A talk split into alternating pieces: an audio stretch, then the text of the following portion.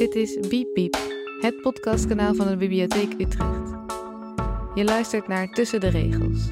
In dit programma spreekt interviewer Oscar Kokker steeds twee schrijvers over hun boeken, het leven en schrijverschap. Oscar sprak op 12 december 2020 Romana Vrede en Kader Abdollah in de theaterzaal van de bibliotheek. Ja, het, het grappige is, is dat uh, mijn moeder die was op de boekpresentatie uh, 8 maart. En zij is 1 april overleden. Mijn moeder is een echte grappenmaker geweest. Een echte grappenmaker. En in die uh, laatste weken voor haar dood heeft ze het boek gelezen. En ze was. Um, um, ze was uh, heel erg trots op me. En hoe zij keek naar mijn moederschap. Ik ben de jongste. en ik ben niet. Ik was nooit ergens verantwoordelijk voor, een soort zondagskind. Ik hoefde ook niet. Dus toen ik dit uh, enorme ding op mijn bord kreeg, namelijk Charlie, toen zei ze non-stop: Oh, dit kan jij niet, dit kan jij. Oh, dit, oh, dit kan je niet. Oh, Romana, nee. Oh, ze kan het niet. Ja, ze kan het niet. Nee, ze kan het. Dat. maar dat doen volgens mij alle moeders, toch? Gewoon. ook be beter dan jou weten hoe jij je leven moet leven. Zoals ik dat ook bij Charlie doe, ja. Je luistert nu naar het gesprek met Romana Vrede. Laten we gaan beginnen. En dan uh, nodig ik met heel veel plezier uit Romana Vrede. Romana, welkom. Je acteert bij het Nationaal Theater. Je won in 2017 de Theodor de ja, belangrijkste prijs in het Nederlandse theater. Uh, maakte eigen voorstellingen, waaronder Who's Afraid of Charlie Stevens. Je maakte documentaire Dit is de Leven. Maar sinds maart van dit jaar mogen we je ook officieel schrijver noemen. Want toen publiceerde je De Nobele Autist. Daar gaan we het uh, vanavond over hebben. Maar eerst, en dat doe ik in tijden van de pandemie, toch veel vaker, toch eventjes de vraag: uh, hoe is het met je? God, dat is echt een, eh, een, een, een, hele grote vraag, inderdaad. Want het is een, eh, een pandemie. En er gebeuren um, uh, grote dingen. Ik uh, kwam er een paar maanden achter, geleden achter dat er uh, dingen, onomkeerbare dingen gebeuren in mijn leven. Ik heb voor het eerst een tatoeage. En de mensen die mijn boek hebben gelezen, die weten wat dat is. Dat is vertrouwen, vertrouwen. Dat is het... Um, hoe noem je dat? De het motto opening. van het boek. Ja, de motto van het boek. Charlie heeft dat een keer in een droom tegen mij gezegd. Charlie is mijn uh, zoon. Uh, mijn moeder is overleden. Um, ik ben erachter gekomen dat ik uh, acteren niet meer als mijn 100% baan meer wil doen. Um, er zijn wat veranderingen ook in de liefde gaande. Um, dat wil zeggen dus dat ik single ben. maar dat is ook een hele fijne stap. Dus zeggen, dat heeft niemand eerder zo vrolijk gezegd. Ja, dat is best wel, ja, dat is wel, dat heeft wel wat. Dus uh, ik vind 2020 een, een echt spiegeljaar. Het, uh, volgens mij betekent het dat ook, hè, dat je die 2 en die 0 tegen kan spiegelen. En dat er dingen gebeuren die niet meer terug te draaien zijn. En dingen die moesten gebeuren. Charlie die woont sinds 21 september uit huis. Die woont in een zorginstelling. Dus ik ben een empty nester.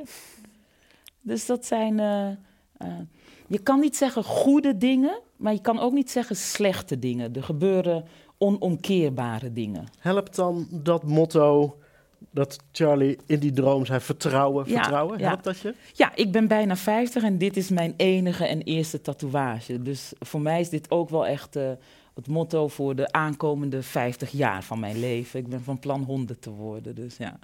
Laten we het hopen, ja. Um, dat motto, je, je, het is niet alleen wat er op de eerste pagina van het boek staat, het wordt later in het boek ook uitgewerkt.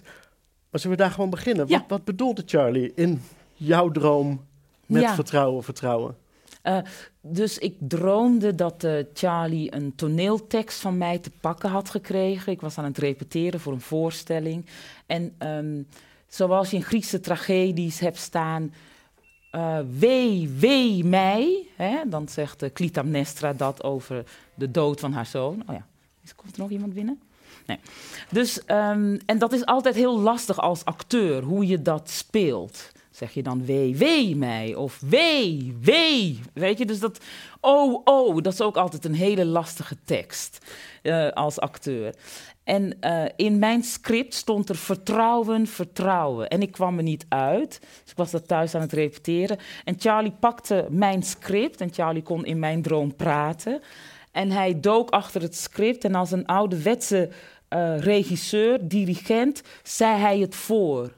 Vertrouwen, vertrouwen.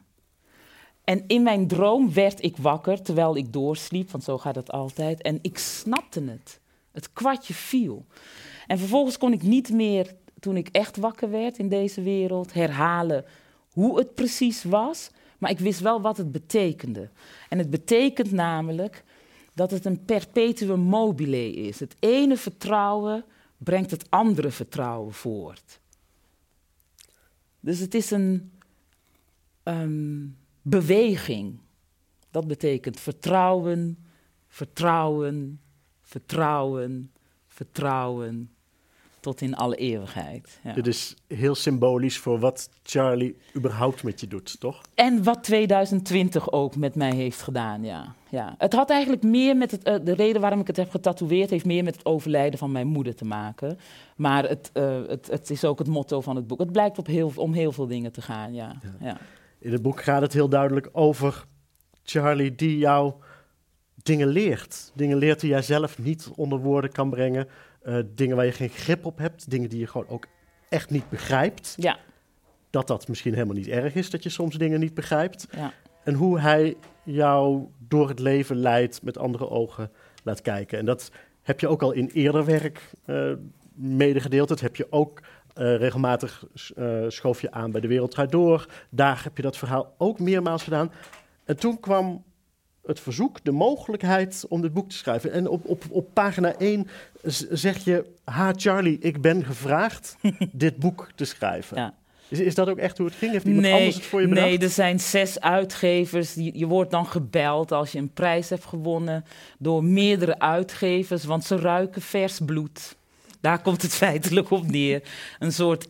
Um, uh, een soort um, BN'er die dan een boek uh, gaat schrijven. Weet je, ghostwriter over de, de, de kleedkamerscènes of zo in een, uh, in, in een gezelschap. Zo, dat, ik vond dat soort mails, mm. vond ik, kreeg ik binnen.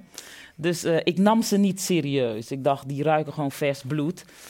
En toen, uh, maar één daarvan was de arbeiderspers. En, uh, en toen zei ik, ja, sorry, maar dit ga ik dus niet doen, want ik ben niet, een, op die manier ben ik, wil ik geen BN'er zijn. En toen zei zij, Esther, redacteur van de arbeiderspers, toen schreef ze een mail terug waarin ze zei, sorry, maar maak jij nou mijn vak belachelijk? En toen dacht ik, oké, oké, ik wil met jou wel een gesprek aangaan. En toen zei ze, ik vraag je dit omdat je meerdere columns hebt geschreven, omdat je je um, voorstelling hebt geschreven en ik denk dat jij dit kan. Dus vandaar. Dus toen zijn we gaan nadenken over, oké, wat vind ik belangrijk om te vertellen? Als kunstenaar gebruik ik vaak het medium, het podium, hè, om theater of film te maken. Dus het podium, uh, een boek, hè, geschreven taal Ehm, mijn eerste eh, associatie was een brief. Iets wat je echt aan iemand wil geven en wat hij dan mee naar huis neemt. En zonder dat jij daarbij bent tot je neemt. Want tot nu toe heb ik als podiumkunstenaar, ben ik erbij wanneer jullie mijn kunst tot je nemen. En uh, ik dacht, wanneer geef je iemand kunst mee waar je niet bij bent? En dat is een boek, dat is een brief. En dan mag je dat lezen. In de... En ik zie niet wat jij daarvan vindt. Het is een heel intiem moment. Want je leest meestal in bed, tenminste ik. En alleen. Dus dat vond ik wel een, een spannend um, uh, gegeven. Hè? Dus even los van gewoon een boek is een boek. Maar wat is dat? Wat doet dat in de, in de communicatie? Op welke manier communiceer je met je publiek? Je had al vrij snel in de smiezen, dit moet voor mij een brief. Ja, en daardoor dacht ik, oké, dus dan wil eh, ik wil dan eh, aan wie wil ik iets meegeven wanneer ik er niet meer ben. En dan kwam ik op, ik wil Charlie een brief meegeven wanneer ik er niet meer ben. En dus dit is geschreven voor op zijn doodsbed. Ja, want dat was je vraag. Hij is nu 17, 18? 18. Net 18 Ja, geworden. ja. Eh, jij, jij vraagt je af, hoe gaat zijn toekomst? Wat gun ik hem als Ja. toekomst? En als hij straks sterft, het is dan waarschijnlijk nog steeds een kind, want eh, ja, in de titel De Nobele Autist, hij heeft autisme, eh, heeft ook een verstandelijke beperking, Ja. dus in die zin nog steeds een kind en heeft een moeder nodig. Maar de kans dat die er op dat moment nog is, is gering. Daarom, want ik ga ervan uit dat hij heel oud wordt. Dus ja.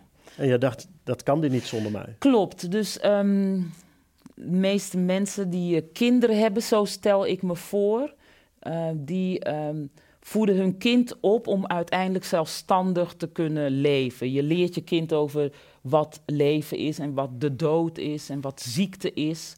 En zolang je dat nog niet snapt, ben je kind. En neem ik die verantwoordelijkheid voor je. En aangezien Charlie op die manier kind zal blijven, ik weet niet of hij weet wat de dood is, of hij weet wat leven is, wat eindigheid, sterfelijkheid is. Ehm, zie ik het als mijn taak om dan ook als moeder op die manier in geschreven vorm bij hem te zijn. Ja. Ja. En ik zei al, je wenst hem dingen. Je bent benieuwd. Waar, waar, waar beland je? Wat gaat het leven jou nog brengen? Ja. Waar, waar, kwam je, waar kwam je op uit? Ehm, ik hoop dat hij liefdesverdriet leert kennen. ik hoop dat hij ooit een been breekt. Ik hoop, ja, ik hoop dat hij weet wat het, wat, dat, hij, eh, dat, dat het leven vol is. Ik hoop. ehm, ik, dus ik hoop dat hij eh, een hoop meemaakt. Maar net zoals ja, wij allemaal een hoop meemaken. Het gaat ook over dat hij wordt aangenomen bij de plantsoenendienst. Ja. Eh, dat hij een goede voorman heeft, namelijk Henk, Ja. die zich over hem ontfermt. Ja. Eh, dat hij ook een hoop sufferts tegenkomt Ja. trouwens. Dat gebeurt ook. Dat hij luxe uit eten gaat met zijn neef. Ja. Eh, in een, wat is luxe uit eten met ja, zijn neef? luxe uit eten met zijn neef, dat is... dat is kennen jullie het pannenkoekenhuis hier bij eh Rijnauwen? Dat is luxe Dat kaliber. eten. Ja. Ja, dat is maar met volle teugen genieten. Ja, en ja. het leven helemaal aangaan. Ja, Ik kan me voorstellen dat je dat wist toen je begon te schrijven. Dat je dat dan voor ogen hebt voordat je je eerste letters op papier zet. Eh, tegelijkertijd, ik merk, je, je duikt erin. Je laat je, natuurlijk je fantasie de vrije loop. Je laat de mogelijkheden de vrije loop. Het is ook een onderzoek Hmm. geworden, denk ik, voor jezelf. Wat, wat zijn dingen die jou tijdens het schrijven op, op jouw pad kwamen, die zich aandienden en waar je misschien zelf eh, verrast van raakte? ja. Ehm, eh, ongeveer halverwege het proces kwam ik erachter dat ik ehm, eh, nogal ehm, aan de ene kant zelf ingenomen was met betrekking tot het leven van mijn kind, egoïstisch was met betrekking dat hij mij nodig zal hebben wanneer hij op het punt van sterven staat, en arrogant was dat ik wist wat het leven was. Als schrijver of als mens? Als mens, ja. Daar kwam ik wel achter. Waar, waar uitte zich dat in? Dat uit zich in de antwoorden van Charlie. Ja, want dat is de constructie. Ja, Jij vertelt van, nou, de grote constructie is van dood naar de geboorte. Ja. Tussendoor heel veel tijdsprongen, waardoor Ja. we ook af en toe zijn jeugd al tegenkomen als hij eigenlijk in je boek Ja. eh, op, op zijn sterfbed ligt. Ja. Daartussenin, jij doet observaties en er staat soms heel klein onderaan de pagina de reactie van je zoon, ja, wat hij daarvan vindt. En dan uit zich soms een ergernis bij hem, een irritatie, die jij weer in zijn mond legt. klopt.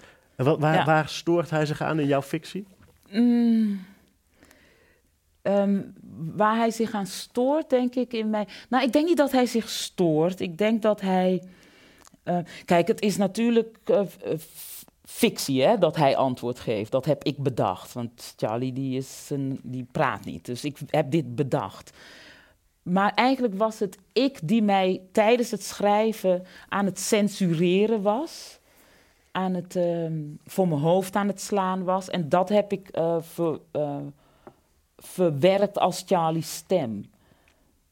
Van jij probeert mij te zeggen dat je niet hoopt dat ik eenzaam sterf. Dat schrijf ik. Ik hoop niet dat je alleen bent wanneer je sterft.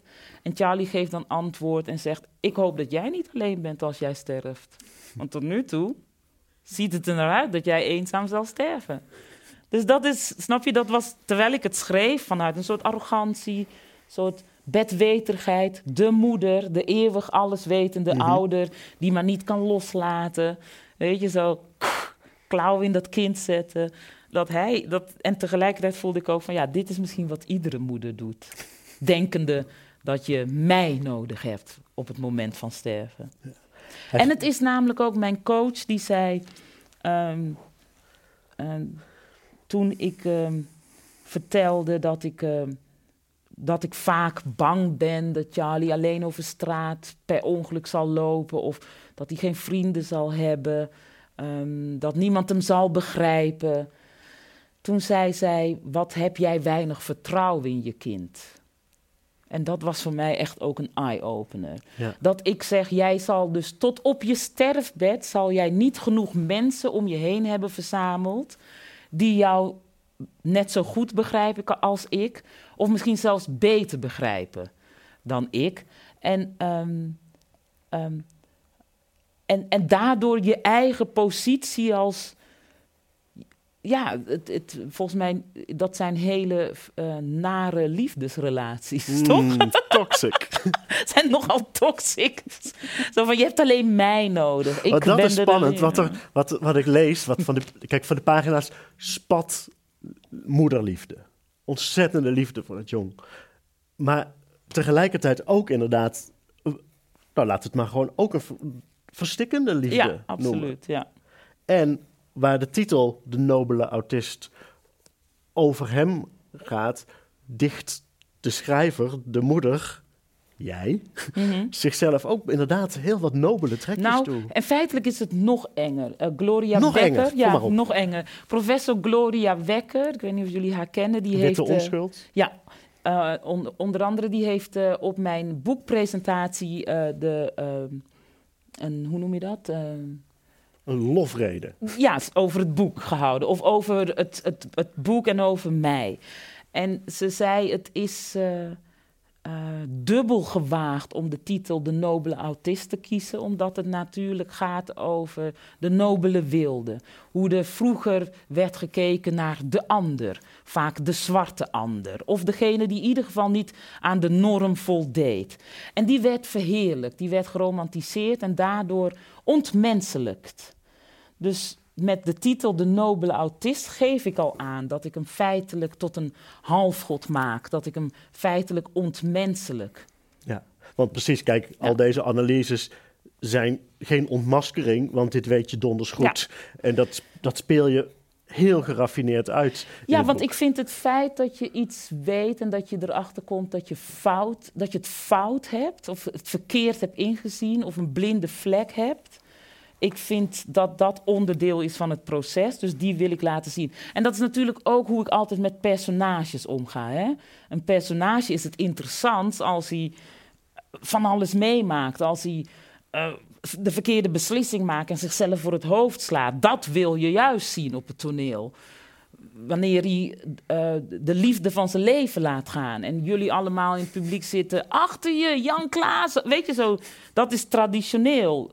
En ik vind het eh, ontzettend heerlijk als ik dat mag doen ook in mijn eigen leven. Ja. Niet perfect zijn. Je gebruikt daar de stem van je zoon voor. Je gebruikt ook bijvoorbeeld die coach die je net zelf noemt. Ja. Die komt ook in het boek aan het woord met een, een, een heel scherpe en pijnlijke observatie. Je, je verzucht, ik zou zo graag willen dat hij normaal deed. Mhm. De reactie van de coach was, Misschien is dit normaal voor hem, ja. en je schrijft dat op een manier waardoor ik vermoed dat dat daadwerkelijk voor jou een eye-opener was. Ja. Ja. dus ehm, ja, het was een eye-opener dat, het, dat ik erachter kwam. De norm is bevraagbaar. Dat is een idee fix. Dat is een regel die we hebben bedacht, maar dat is niet de waarheid. Uh, dat was een eye-opener. Ah, dit is gewoon perspectief. De norm is perspectief. Uh, en tegelijkertijd um, blijf je kampen met je eigen norm. Snap je? Dus feitelijk zeg je, ik wil dat hij normaal doet. Ja, maar misschien is dit voor hem normaal. Oh, oké. Dus het is niet, oh, oké, dus dan nu laat ik mijn normen vallen en nu is het allemaal koekenij. Nee, nu blijft het dus, nu is het benoemd ja. dat wij allebei andere regels hebben. Het is ook de reden waarom jij liever niet spreekt van normale kinderen, maar reguliere, kinderen. ja. Al was het maar om, om de normatieve opvatting rondom normaal ja. weg te halen. En ik vind regulier vind ik ook een lekker woord, lekker pesterig woord. regulier. Jij bent regulier, het wordt, heel Het wordt daarmee ook meteen, want dat, dat boek komt daardoor in de stroomversnelling en het wordt een pleidooi voor uh, het laten varen van die hokjes. Voor het, uh, het openlaten van meerdere mogelijkheden, meerdere realiteiten, meerdere normalen. Ja. En dat is waar het boek in ieder geval voor mij en volgens mij ook voor jou uiteindelijk daar gaat, over gaat. Daar gaat, als het goed is, al mijn werk over. Dat is mijn uh, uiteindelijke doel. Zien dat we allemaal in een hokje zitten of worden geplaatst en dat dat een idee fix is. Uiteindelijk uh, zou ik uh, de uh, intersectionaliteit van het leven meer willen omarmen. Ja. ja.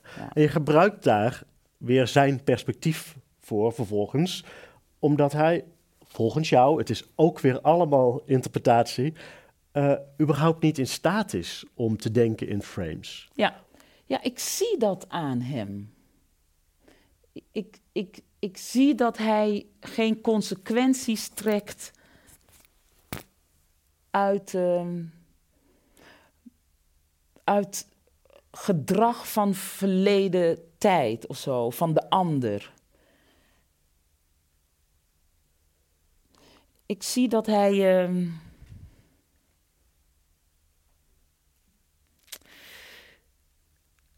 um, ze noemen autisme ook wel eens het Hoops Wrong Planet syndroom. Dus je komt hier binnen en je ziet hier twintig mensen zitten en hier zitten er twee. En stel dat je een alien bent, dan, heb je geen, dan is dit science fiction wat er hier gebeurt. En één iemand daar komen. dan komt geluid uit, iets, want je verstaat het niet. En de rest is stil en zit op zijn billen te kijken naar diegene die dit doet.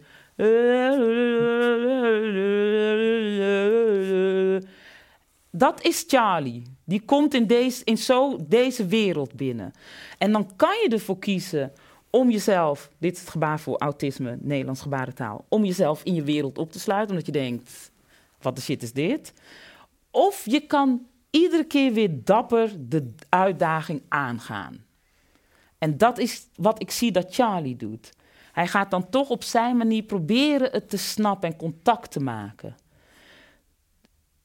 In plaats van te denken, ik had al honderd keer geleden het opgegeven. En je ziet dat, ik schrijf in mijn boek schrijf ik ook dat hij mij aankijkt en dat ik dan um, veel te dicht op hem kom en hem zo te lang lachend aankijk. Zo. En dan zie je zijn ogen, die gaan dan als een soort koliebrievenleugels op en neer. En hij is dan niet terug aan het kijken, maar hij is zich aan het afvragen wat ik wil. Dus je ziet dat. Van wil ze dat ik ga douchen? Wil ze dat ik mijn tanden poets? Wil ze me iets te eten geven? En als hij er niet uitkomt, en denkt, oh, dit is weer zo'n typisch gedrag wat ik niet snap, dan duwt hij me weg. Maar je ziet hem zo. Zo in stilte naar mij kijken en, en actief kijken. Wat wil ze? Altijd opnieuw kijken, altijd Ja. pogingen doen, willen begrijpen, heel hard werken, Ja. lijkt me dat ook. Ja. Ja. Ja, klopt. En je, je zegt dat je eigenlijk een hele hoop, niet alleen jij, wij, veel van hem kunnen leren. Van misschien wel van mensen zoals hij, van allemaal. En je hebt het al zelfs over superkrachten. Wat, wat, zijn, wat zijn nog meer superkrachten? Ehm, nou, een eentje die ik volgens mij noem in mijn boek is dat Charlie's. ehm, ehm, wij hebben het wel eens over iemand een tweede kans geven. Mhm. En Charlie geeft iedereen iedere dag weer opnieuw een kans. Iedereen. Altijd opnieuw een kans geven. In, in, Sorry, maar dat is toch. Als je daarbij stilstaat, dat is toch. Daar kunnen wij ons niet van voorstellen. precies, want we hebben de, een heel groot deel, ik zou het bijna ode willen noemen, of eye-opener. Ja. Voor, ver- verbreek die frames, laat die hokjes los. eh, doe zoals hij leert van hem. Jo, Het is geen opdracht, maar het is een advies. Ja. Leer, eh, geef mensen een tweede kans. Blijf proberen grip te krijgen, te snappen, ook wat je niet snapt. Dat is een groot deel van het boek. Maar hier, je zegt, ja, we hebben geen idee. Veel mensen snappen het niet. eh, Je kan het niet vatten, nee. Wat dat betekent, wat dat impliceert. Nee. en een ander deel van het boek is daardoor ook een aanklacht tegen de mensen die Hmm, niet kunnen of misschien wel niet willen ja. begrijpen. Ehm, jij, er zit, er zit een voorbeeld. Je, je bent zelf, eh, je hebt lang in Utrecht gewoond. Charlie is hier ook opgegroeid, En geboren, ja. geboren en opgegroeid. En een heel nare passage uit het boek heeft zich hier in Utrecht ook afgespeeld. Ja. En toen ik wist dat je in Oog en Al hebt gewoond, was het een kleine link om te bedenken dat deze passage misschien daar was. Vertel heel eventjes. Nou ja, dus in tegenstelling tot Charlie, die. Dus je hebt aan de ene kant zo'n soort eh, entiteit als Charlie, in mijn ogen. Hè. Dit is mijn perspectief. Die iemand of iedereen altijd tot in de eeuwigheid opnieuw een kans geeft. En aan de andere kant, wij woonden dus in Oog en Al toen Charlie een jaar of eh, vier was. En we speelden in een zandbak, zo groot als dit kleed.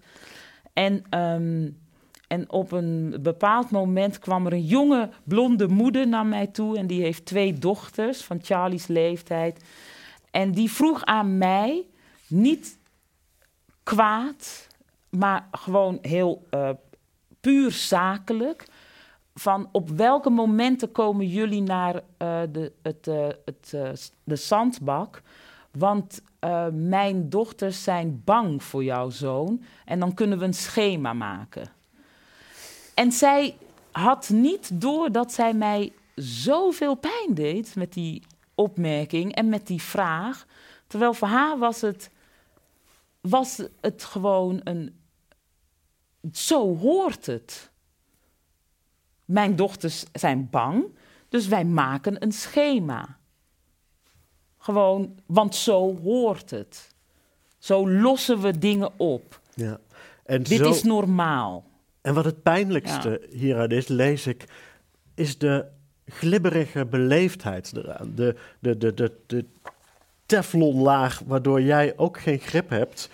eh, Ja. En later jezelf voor je hoofd slaat. Maar wat, wat het, kijk, zij gaat ervan uit dat eh, Charlie een schema heeft waar ik me aan kan houden. zij gaat ervan uit dat Charlie naar een crash of naar een school gaat, vijf dagen de week. En op dinsdag zwemles heeft, op woensdag pianoles. En dan donderdag tussen twee en vier is vrij spelen. Zij gaat ervan uit dat al die voorzieningen waar zij gebruik van kan maken met opgroeiende kinderen, dat wij daar ook gebruik van kunnen maken. In plaats van, Charlie was vanmorgen om vijf uur 's ochtends op, dus we zijn om zeven uur in het speeltuintje. Of Charlie heeft een dutje gedaan wat te lang duurde, omdat hij heel de nacht op was. En daarom zijn we pas om vijf uur 's middags in het speeltuintje. Snap je? Zij wist niet dat ik echt een zoekende. Nu is het natuurlijk, hebben we een veel beter schema. En nu helemaal hè, eh, op de zorginstelling waar hij woont. Maar dat je sowieso met een kleuter is het zoeken van wat wordt het schema. En sowieso met een Ik voelde ineens dat ik in een andere wereld zat. Het voelde een beetje in, zeg maar, tegenovergestelde van vacuüm trekken. Dat je echt zo. Dat je dus niet die. de- hoe, hoe die twee hoe atomen zich splitsen. Ineens dacht ik: oké, dit is dus een totaal andere wereld dan ik. Weet je? Dat, dat had zij niet door, nee. Nee. Ja, en deze botsingen vinden de hele tijd plaats. Ja. Ik noem het net de Teflon beleefdheid, waardoor jij Ja. ook naderhand denkt, ik had moeten ingrijpen, ik had op moeten komen. Je excuseert je regelmatig in dit boek. Het spijt me dat ik niet voor je opkwam. Het spijt me dat ik mijn mond hield. Het spijt me dat ik... Nou, Eh, mijn mond hield. Misschien is het waar ik aan moet denken als je dat zo zegt. Het spijt me dat het zo lang duurde voordat mijn mond weer dichtklapte. ik kan me dat moment zo goed herinneren dat zij mij zo vriendelijk aankeek.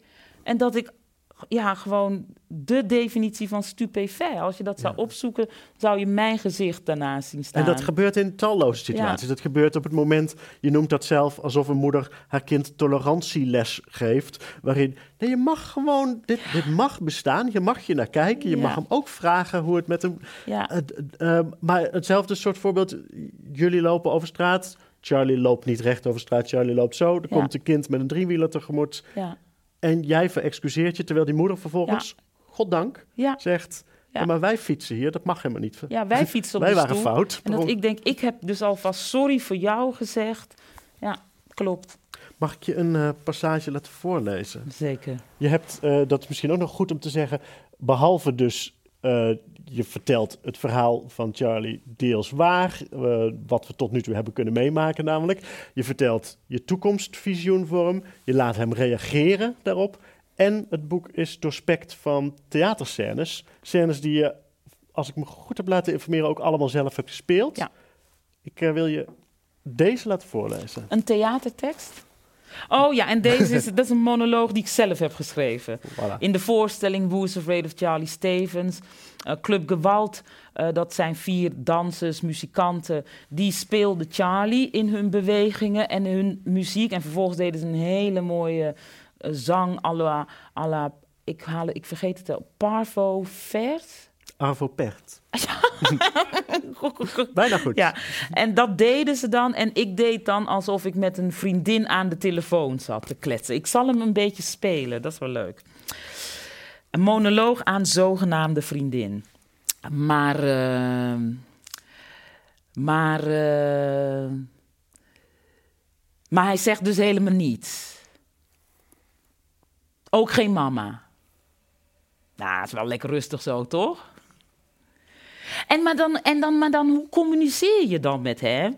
Ik bedoel, die van mij, die lullen me de oren van het hoofd. Maar hij gaat dus echt nooit praten. Hoe komt het eigenlijk dat hij autisme heeft? Zit dat bij jou in de familie of bij zijn vader? Want je hebt er maar eentje, toch? Wilde je er niet meer of was je bang dat je er nog zo eentje zou krijgen? Oh, wacht even, ik krijg een sms'je van Wesley. Ach, kijk dan, zo schattig. Dat is hij en zijn vrienden. Hij is zo populair. Ja, dat is voor jou natuurlijk anders. Hé, hey, maar Charlie is ook best wel ehm, stevig, toch? Is zijn vader dik? Want jij ziet er echt fantastisch uit. Gewoon deze tekst zelf schrijven. Want jij ziet er echt fantastisch uit. No pun intended. Woont hij nog thuis? Want de meeste van dat soort kinderen worden toch uit huis geplaatst. En kan hij liefde geven? Want je hoort ook wel eens dat dat soort kinderen te weinig liefde heeft ontvangen. Oh, ik kreeg laatst zo'n schattig moederdag cadeau van Amy. Een tekening met I love you. Ze kan al Engels. Heb jij iets gekregen of vieren jullie dat niet? Ik vind, ik ben, weet je, ik vind, nee, echt, ik serieus, ik vind, ik ben, ik ben, ik vind, ik vind, ik ben, ik ben, ik vind, ik ben, ik ben, ik vind, ik ben zo trots op jou. Ik vind jou zo sterk. Kon je die weg laten halen? En dan staat je tussen aanhalingstekens, dat was een regieaanwijzing. Ontkennen dat je dat gezegd hebt. Kon je die weg laten halen? Maar voor mij is het ook niet makkelijk hoor. Oh, soms echt niet te doen. Laatst had ik dus wortels gehaald. Lust opeens geen wortels. Dan denk ik ook echt, "Poeh, lastig. Slapen is ook een probleem. Af en toe. Dan zeg ik, nou jongens, nu gaan slapen. En dan gaan ze gewoon niet.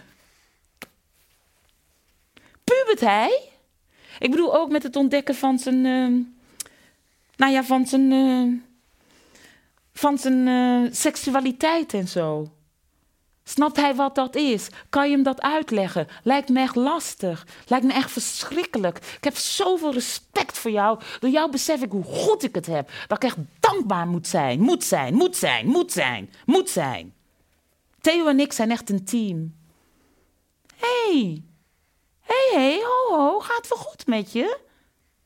Ziet er een beetje moe uit. Echt je rust pakken hoor. Nee, echt.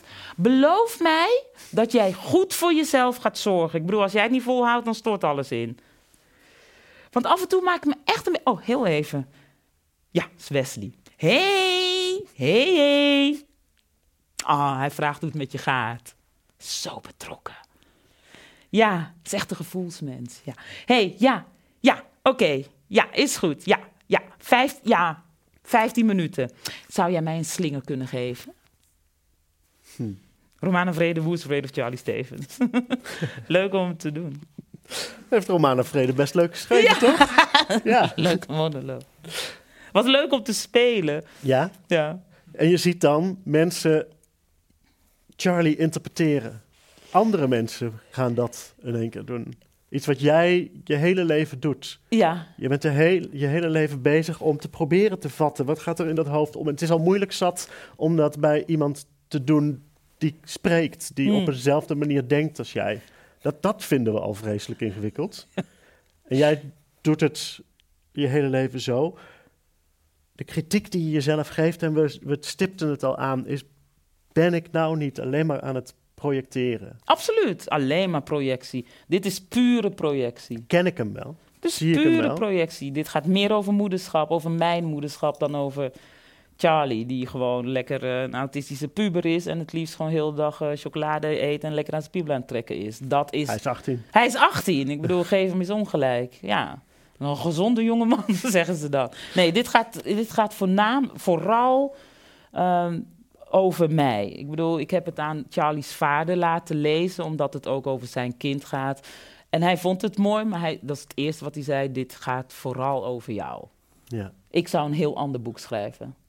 Ja. Is dat niet eigenlijk, laten we eerlijk zijn, misschien wel in elke relatie dat al die interpretatie. Het is perspectief. Dit is mijn perspectief, ja. ja. ja.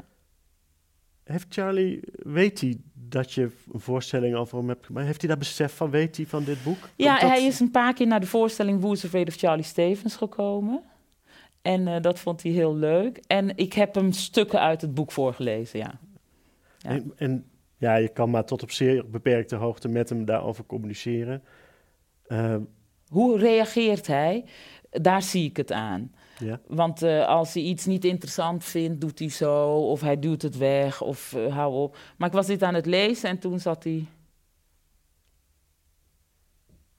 Dan zit hij zo te luisteren, actief te luisteren.